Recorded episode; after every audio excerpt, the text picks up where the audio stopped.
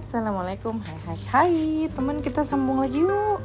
Baca uh, tentang Abdullah Ibnu Umar ya. Abdullah Ibnu Umar itu Ih pokoknya dia itu orangnya Tegas, keras dan benar gitu ya. Hati-hati orangnya.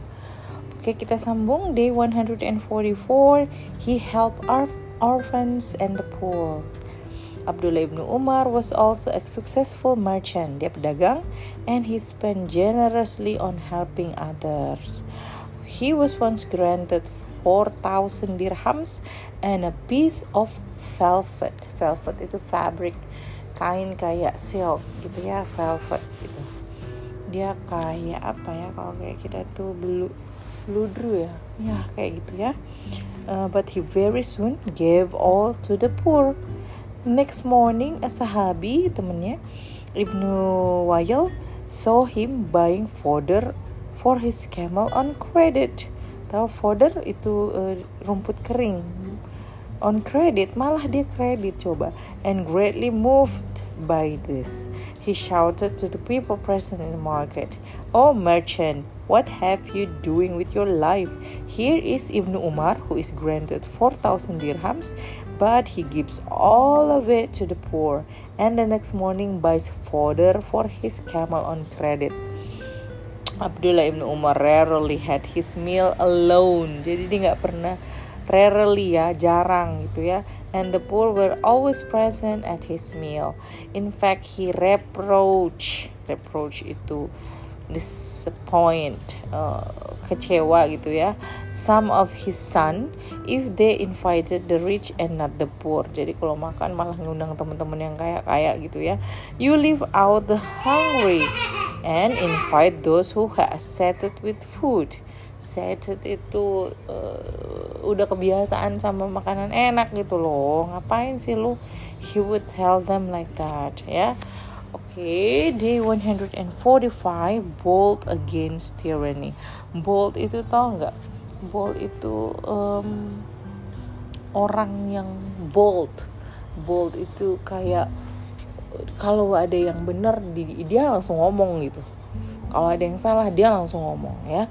Bold against tyranny. Abdullah ibnu Umar lived a long life but kept away from the fitnah, uh, civil strife that took place, but he confronted any high-handedness boldly, boldly, ya kan, and without any fear. Jadi dia uh, bold itu ability to take risk gitu. Dia nggak peduli gitu. Kalau ini salah dia bilang salah. Once when Hajjaj ibn Yusuf, the tyrant governor of the Umayyad, told people that Abdullah ibn Zubair had distorted the book of Allah. Ibnu Umar shouted in his face three times. Dia datengin orangnya.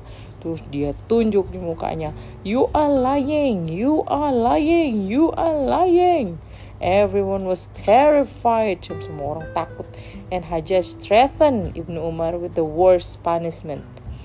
To which the he boldly replied. Dia jawab nih sama si tyrant tadi. If you do what you just promised, there will be no wonder about it. For you are a foolish ruler who has been imposed upon us. Tuh.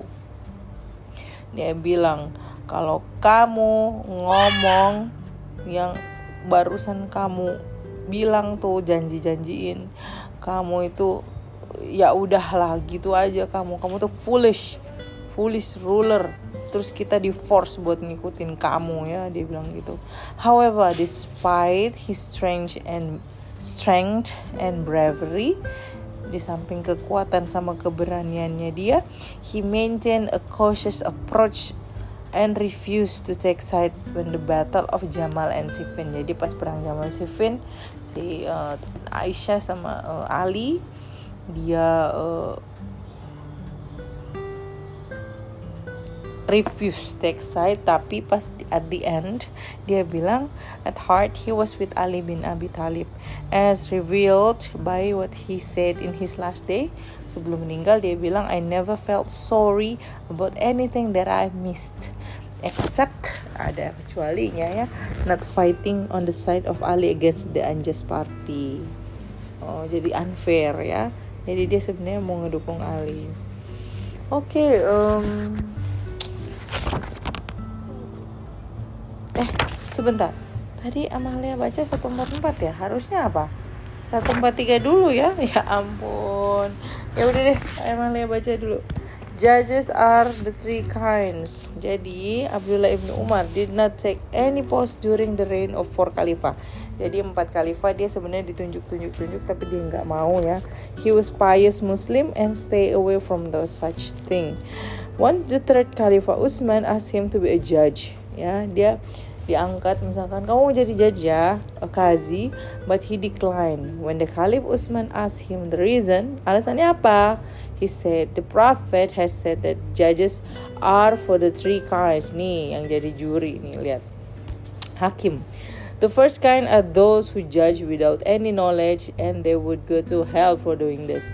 Jadi yang nggak punya pengetahuan tentang itu dan ya udah gitu masuk neraka. Kedua, uh, those who judge according to their desire and they too will go to hell. Jadi uh, seenak dianya aja gitu. Kalau ada yang bayar dia dia ikut. Nah itu go to hell juga.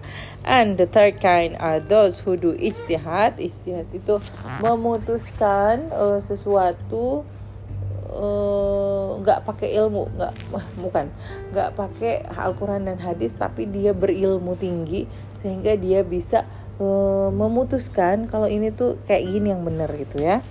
And the unerring unerring in their judgment yang uh, akurat gitu bener gitu.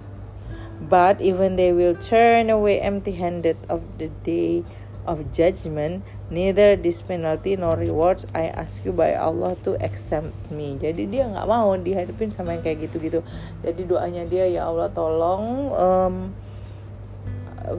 make me free from obligation about this gitu. It is reported that Abdullah ibn Umar said the best thing a slave of Allah must do is cleanse cleanse his tongue tuh bersihin lidah. Emang lidah ini aduh. Gitu ya. Oke okay, uh, uh, done with Abdullah ibn Umar. Wow dia orangnya sangat bold. Cautious bold ya kan? Terus um, murah hati gitu ya. Oke okay, kita belajar banyak dengan Abdullah ibn Umar padahal dia tuh ahli hadis ya. Wow hebat sekali. Oke kita nanti sambung lagi dengan ceritanya Said ibnu Amir ya see you soon teman-teman. Bye